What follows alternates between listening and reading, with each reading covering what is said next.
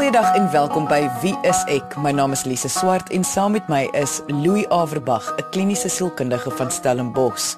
Gereeld hier op Wie is ek verwys ons daarna hoe ons almal as mense sosiale wesens is, dat ons ander mense nodig het, selfs al hou ons nie aldag van almal om ons nie.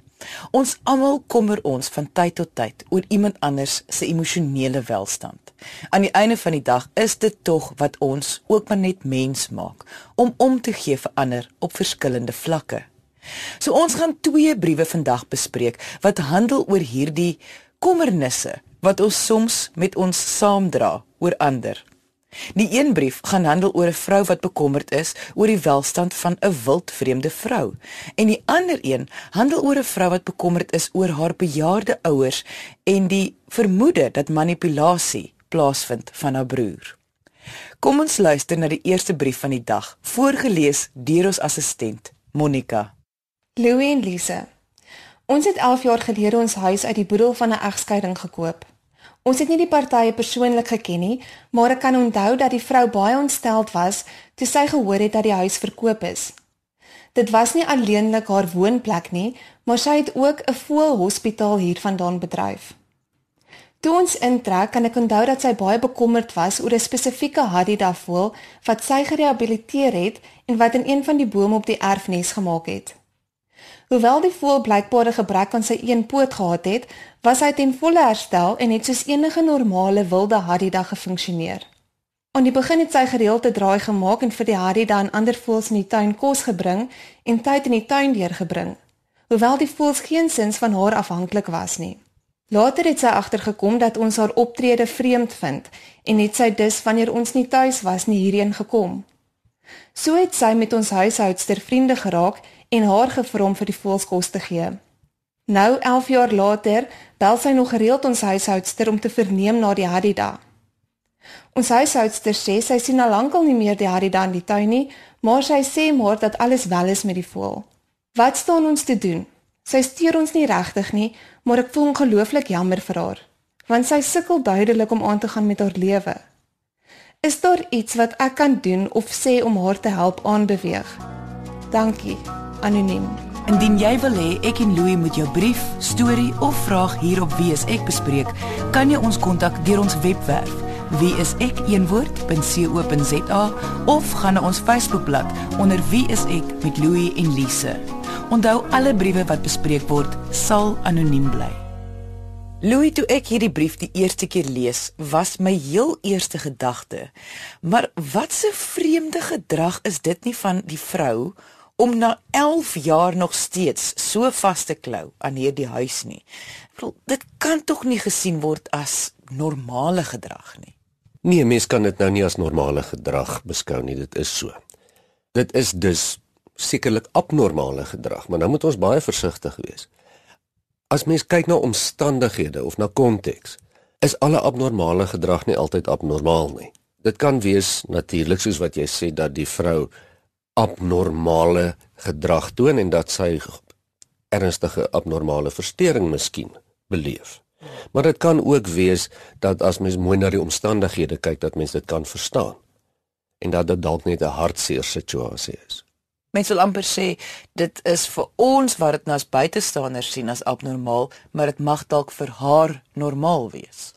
Ja, of vir iemand wat in daardie omstandighede sou wees. Jy weet as jy skielik met iemand te doen kry wat sê ehm um, hy of sy wil onmiddellik sterf en selfdood pleeg en wil nie meer leef nie en sien eenvoudig nie meer kans nie, sou ons almal tog sê dis abnormaal. Maar sou die persoon vir jou dan verduidelik dat hy of sy met 'n terminale siekte eh, gediagnoseer is, al die vriende verloor het, alle familie verloor het, werk verloor het ensovoorts ensovoorts, dan sou dit nie so abnormaal wees nie. Met ander woorde, ek of jy of die gemiddelde persoon sou kon sê, "Aha, ek verstaan dit. Ek sou ook so voel as ek in dieselfde omstandighede was." Nou, ons ken nie die vrou nie, so alles wat ons sê is net maar spekulasie. Maar wat is dit aan die huis en hierdie voels wat haar keer om aan te beweeg, sou jy dink? Ja, ons spekuleer nou heeltemal wild. Maar ek sou raai dit was haar betekenis geweest. Haar huwelik, haar huis, die hospitaal wat sy vir die voels daar gehad het, was duidelik dit wat vir haar betekenis in haar lewe gegee het. En dis weggeneem. Nie uit haar keuse uit nie, maar teen haar sin. Duidelik moes sy skei en sy moes die huis opgee met die dierehospitaal. So in daardie opsig vermoed ek dis wat vir haar sin gegee het in die lewe. En dat daar niks anders oor was toe dit weg was nie, sy dis daaraan vasgeklou het dit het dalk later maar 'n gewoonte geraak of miskien is dit nog steeds al wat sin gee en dit is baie hartseer. Jy sê nou dat dit dalk 'n gewoonte geraak, maar hoe hierdie vrou nie self besef dat na 11 jaar haar gedrag ek gaan nou weer eens die woord dalk vreemd is nie. Ja, dis baie maklik om te praat, maar ons verstaan nie regtig die omstandighede. Ons weet nie hoe oud sy is nie. Ons weet nie hoe oud sy was toe sy geskei is nie. Hoe lank was dit dalk haar enigste betekenis nie. Ons kan maklik van buite af sê, maar tot jou eie betekenis weggeneem is, dan tree mens maar self eienaardig op. Jy weet en as sy byvoorbeeld vir 'n jaar of 2 na die egskeiding en na sy die huis verlaat het, daarin sin gevind het om darm seker te maak dat die Harry daar versorg is. Kan dit maklik gebeur dat daarna hierdie 2 jaar dit 'n gewoonte raak. Jy weet dit raak 'n ritueel, dit raak iets om aan vas te klou. Later vorm dit breinpatrone en mens doen dit so half outomaties. Sou 'n mens dalk hierdie gedrag kon sien as 'n effek van 'n lewende verlies soos na haar egskeiding dat hierdie vrou as gevolg van haar verlies net eintlik nie weet hoe om aan te beweeg nie. Ja, ek ek dink dit is wat die geval is. Sy het 'n geweldige verlies gely in terme van dit wat haar lewe volmaak. En dit is maar die teenoorgestelde van aanbeweeg wat sy nou doen. Jy luister na Wie is ek met Louie en Lise op RSG 100 tot 104 FM. So die skrywer sê dat sy hulle nou wel nie plan nie, maar die feit dat sy geskryf het wys tog dit moet eers in haar gedagtes wees dat hierdie baie vreemd is. Is daar iets wat sy kan sê vir die vrou wat haar sal dalk laat besef dat sy moet aanbeweeg. Ek dink nie regtig nie. Teoreties wat kan sy nou eintlik vir haar sê? Sy sou seker uh vir die vrou op 'n mooi manier kon laat verstaan dat die voel nou al lankal nie meer daar is nie, uh dat daar nie meer 'n nes is nie of daar nie meer geleentheid is vir die kontak nie, maar dit voel half vir my dit kan dalk wreed wees. Ek is ook nie self seker hoekom ek dit sê nie. Maar ek dink nie sy kan iets sê of doen om vir die persoon te laat besef dat sy moet self betekenis vind in die lewe nie. Dis ongelukkig iets wat ons almal self moet besef om dit te kan doen. Jy dink tog nie die skrywer hoef bang te wees vir hierdie vrou of dalk as hy nou wel iets gesê het vir haar reaksie nie. En ek is dan nou sommer ook bekommerd dat die vrou wat nou al klaar geneig is tot wat ons nou sien as as vreemde gedrag Jy weet, is hy nie dalk in staat tot iets nog vreemder soos om aggressief te raak of kwaad te raak indien iets gesê word nie?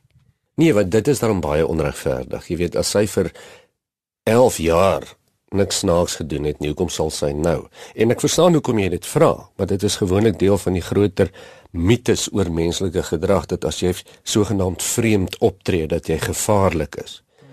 Baie keer het ons maar net te doen met mense se ongeluk in 'n wêreld wat baie moeilik is om in te leef.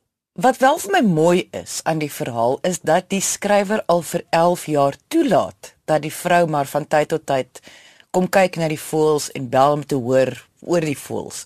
Dit eh, wys vir my 'n mooi sy van medemenslikheid en dat sy die vrou jammer kry wat duidelik volgens haar sukkel om aan te beweeg. Ja, sy kon sekerlik baie meer ongeskik of afkeerend opgetree het. Maar ek stem saam met jou, jy weet, wat se skade kan dit dan nou eintlik doen om ten minste nou net die vrou te laat seker voel. Wat ek nou wel wonder is, is daar iets wat sy kan sê om dalk as die skrywer nou dalk sou wou uh, vir haar ondersteuning te kan bied? En ander woorde, miskien 'n uh, 'n uh, soos 'n vriendskap of om net te gesels oor hoekom doen sy dit? Hoekom kom sy die hele tyd terug of so iets in plaas daarvan om iets te sê dat sy nie meer so intoe kom nie. Ja, dit sou die ander opsie ook wees. Sy mag dalk ook alleen wees, die vrou. So as sy wou medemenslik optree, sou dit nie kon skade doen om maar af en toe met die vroue geselsie aan te knoop, haarselfs in te nooi ensovoorts en ensovoorts nie. Uh maar soos ek sê, ons ken nie regtig die hele omstandighede nie. Ek dit klink asof die briefskryfster se oordeel goed is. So ek dink sy sou daai besluit self kon maak in haar interaksie met die vrou. So Louis, wat sou jou advies dan vir die skrywer wees? Ag ek weet nie of daar veel is wat sy kan doen nie. Weet jy, as ek sy was, sou ek eenvoudig maar net so aangehou het. Wat aan die een kant seker nie reg klink nie, soos 'n wit leuen klink, kan aan die ander kant miskien vir iemand anders baie beteken deur hulle nie met wrede realiteit te konfronteer nie. Daar is tog 'n goue reël wat sê wat in Latyn sê primum non nocere wat beteken om eerstens nie seer te maak nie. En Ek sou vir haar aanbeveel om maar net die vrou gelukkig te hou en vir haar te sê dat alles in die haak is en dat die Harida okay is alhoewel ons mos nou weet na 11 jaar dat die wil waarskynlik nie eens meer leef nie. En as dit die vrou gelukkig maak en vir haar daarin vrede in haar hart gee, hoekom nie? As sy voel sy kan 'n bietjie met haar vriende maak en dalk vir haar iets beteken in die lewe, kan dit dalk selfs 'n bonus wees. Maar aan die ander kant ook as die skryf as die briefskrywer voel die vrou moet nou nie meer na haar huis toe kom nie, sy wil dit nie meer hê nie. Dan dink ek is sy ook mos nou geregtig op haar spasie en ek glo sy sal op 'n mooi manier die boodskap kan oordra. Ons bespreek vandag 'n paar luisteraarsbriewe. Voor die advertensiebreek het ons gekyk na 'n brief wat geskryf is deur 'n vrou wat bekommerd is oor haar huis se vorige eienaar wat tydig en ontydig nog by haar opdaag. Indien die storie vir jou interessant klink, maar jy dit gemis het, kan jy gaan luister na die potgooi op RSG se webwerf, dit is rsg.co.za. Klik op potgooi, kies wie is ek van die lysie wat verskaf word en luister na episode volgens die uitsaai datum of kort beskrywing. Maar kom ons beweeg aan na die volgende brief van die dag, voorgeles deur ons assistent Monica. Beste Louie en Lise, Ek het 'n volwasse verstandelik gestremde broer. My ouers is bejaard en word nou sieklik. Hy bly in 'n oord vir gestremdes, maar gaan baie huis toe. Die probleem is dat hy al meer en meer problematiese, manipulerende en gewelddadige gedrag toon wanneer hy nie sy sin kry nie. Hy is onder behandeling, maar dit is nie effektief nie. My ouers verdra dit want hulle voel skuldig en jammer vir hom, maar ten koste van hul eie geestesgesondheid. Hoe hanteer mens 'n moeilike gestremde in jou lewe? Jy tel tog ook. Ek vra want hy gaan my en my gesin se probleem word en dit neem jou hele lewe oor. Dankie, 'n bekommerde dogter en suster. Louis, hierdie brief is vir my tweeledig. Haar bekommernis oor haar ouers se emosionele welstand, maar ook haar bekommernis oor hoe sy en haar gesin haar broer gaan moet versorg in die toekoms. Maar voor ons hierdie twee situasies aanspreek, wil ek eerstens gesels oor die verstandelike gestremde broer se manipulerende gedrag. Is dit normaal? Want ek wil amper sê ek wat nie al met enige gestremde familielede te doen gehad het nie, voel dit is verkeerd om te sê hy is manipulerend. Dis soos om te sê jy hou nie van jou ouma nie. En ek kan vir 100% dat ek duidelik onkundig is in hierdie geval. Ja, ek weet nie of die term manipulerend regtig hier toepaslik of van toepassing is nie. Onthou dat ons te doen het as mens volgens haar brief gaan met 'n volwasse man wat dan verstandelik gestrem is tot in so 'n mate dat hy eintlik permanent in 'n inrigting moet wees. Dit beteken hy is nie sy eie verstandelike ouderdom nie en dit sou baie onregverdig wees om hom van manipulasie te beskuldig soos wat dit sou wees om 'n jong kind van manipulering te beskuldig. Ja, kinders manipuleer byvoorbeeld, maar dis nie met opset nie. Dit is deel van onvolwassenheid. En in sy geval is hy is hy mos nou van gedagte nie volwasse nie. Dit hang baie af van hoe intens die graad van gestremdheid is. Maar mens kan dink dat hier so 'n man hy wat vasgevang is in 'n volwasse lyf. Meeste mense hanteer hom waarskynlik soos 'n kind Ehm um, hy kan nie regtig altyd verstaan wat vir hom gesê word nie. Hy kan homself waarskynlik nie altyd goed in taal uitdruk nie. En die frustrasie wat daarmee gepaard gaan. Dit is algemene gedrag by volwasse verstandelik gestremde mense dat hulle moeilik raak en en knorrig en en moeilik is om die huis te hou. Kan sy gedrag nie dalk ook wys hoe hy bewus is daarvan dat sy ouers nou oud word en hulle verganklikheid nie? Of dink jy hy was dalk nog altyd so um gefrustreerd en dit is sy reaksie daarop en dis maar net die suster wat nou eers begin bewus raak daarvan? Ja, dit kan op enige iets dui en ek dink al hierdie faktore is van toepassing. En natuurlik is hy ook bekommerd oor sy ouers en lief vir sy ouers. Sou mens aanneem. En hy kan sien dat sy ouers miskien siekerig is of swakker is. Dit sal hom geweldig bekommer. So jy sou verwag dat sy gedrag sal eskaleer. Ja, maar die frustrasie gaan net al hoe meer en meer word. Dis reg en mense wat dan vir hom omgee of verstaan, sal vir hom oor dan ook minder word, soos as sy ouers begin weggaan.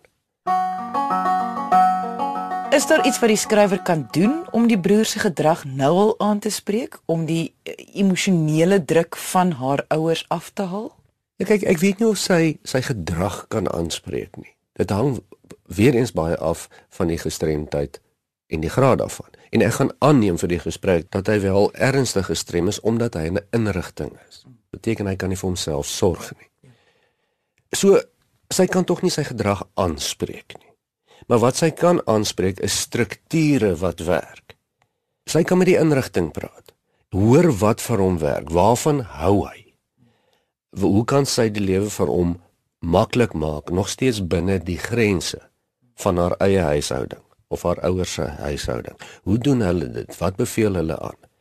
Sodat sy hierdie situasie kan verstaan. As sy daarna gaan kyk as manipulering, het sy klaar 'n probleem. Want dan gaan sy hom negatief na hom kyk en hom sien as 'n probleem wat sy moet hanteer. So as sy dit sien as 'n frustrasie, dan sal sy dalk dan meer positief optree. Ja, en as sy sy gedrag verstaan, dis baie keer moeilik om na 'n volwasse persoon te kyk en te besef dat hulle bedoel dit nie soos wat ander volwasse persone dit bedoel nie. Want jy kan dit partykeer nie sien nie. Maar ons dou as ons met verstandelike gestremdheid werk, is dit waarmee jy te doen het. Ek dink ons sal moet aanvaar dat die ouers nie nou iets omtrent die situasie gaan doen nie, want ek bedoel hulle sal nie op 'n gevorderde ouderdom nou begin kwaai of streng tog optree teen hulle seun nie. Nee, en mens kan dit ook nie van hulle verwag nie, maar die doel is ook nie om kwaai of streng op te tree nie. Wat sy wel kan doen is om met hulle te praat en hulle hulp te vra vir as hulle dalk nie meer daar is nie en sy is nog dat hulle vir haar dit kan help om dit so lank die oorgangsperiode moontlik te maak. Wat vir hulle werk, wat hulle sien hoe hulle met hom praat, hoe sy met hom kan praat, dat hulle saamwerk op die stadium. Jy luister na Wie is ek met Louie en Lise op RSG 100 tot 104 FM. So ek begin nou insien wat jy sê want as ons nou so praat oor die ouers en sy wat die hulp moet vra by die ouers dit is uh, rondom haar gedagtes, haar eie manier van kyk na die situasie. Boonbehalwe dat sy nie moet sien dat die broer manipulerend is nie, moet sy ook insien dat haar ouers laat ook niks toe nie. Hulle het 'n manier om met hom te werk. Ja, sy sal moet bietjie 'n paradigma skuif, miskien moet oorweeg in haar kop. En die groot aspek wat sy sal moet na kyk is om nie onrealistiese verwagtinge te hê van die toekoms nie. Sy sal moet mooi kyk na wat kan sy verwag van haar broer en wat nie. Want dit klink vir my asof sy meer van hom verwag as wat hy kan regtig bied. Jy het nou voorgestel dat sy moet gesels met die mense by die um, inrigting waar hy woon met haar ouers en so. Sê net maar sy kry nog steeds dit nie reg nie, want sy duidelik is ook gefrustreerd. So sê net maar sy kry dit nog steeds nie reg nie. Sou 'n mens iets so wat ek amper dit klink half belaglik, maar iets soos 'n sielkundige voorstel om vir haar te help om hierdie proses of paradigma skuif te maak. Kyk, dit sal natuurlik ideaal wees.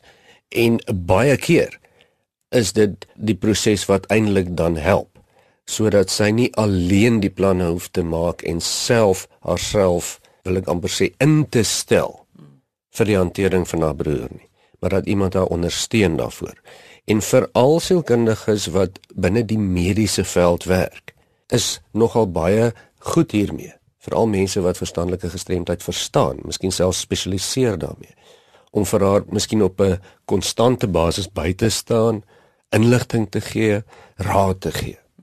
En ook natuurlik haarself reg op te hou want sy is ook 'n persoon met lewensdruk en haar eie huishouding Ek dink ook sy is in 'n voordelige posisie dat haar ouers nou nog leef en sy dit nou besef en sy nou al iets omtrent kan doen en ek wil amper sê en haar eie huisgesin kan voorberei op hoe dit gaan wees en wat vir hulle voorlê die eise. Ja, dis 'n baie proaktiewe situasie wat sy in is en dis nogal mense is nogal gelukkig as jy in so 'n situasie kan wees. En jy kan so lank vooruit jou planne maak.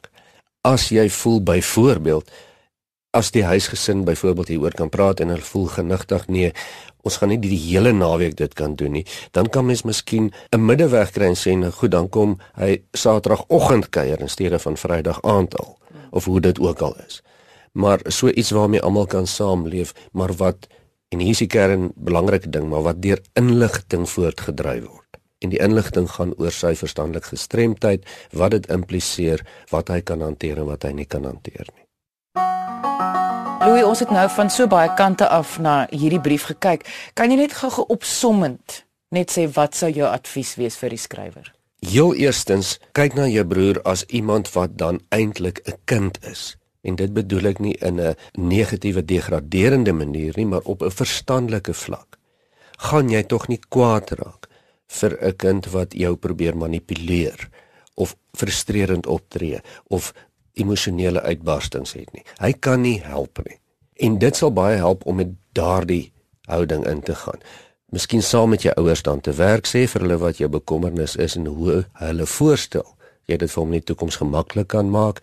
Praat baie met die mense by die inrigting, kry inligting in en maak 'n plan van aksie wat realisties vir jou is waaraan jy weet jy kan volhou. Rotine gaan baie belangrik wees vir haar en vir haar huisgesin, maar ook vir haar broer mense wat sukkel met verstandelike gestremdheid hou van rotine en rotine is ook baie belangrik in jou hantering met hulle.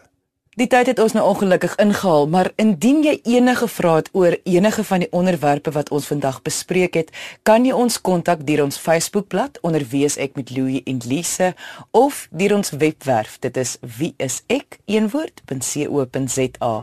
Dankie dat jy vandag ingeskakel het. Ons maak weer so volgende Vrydag 12:30 net hier op RSG. Jy moet 'n heerlike naweek hê he, en onthou, kyk mooi na jouself. Thank you.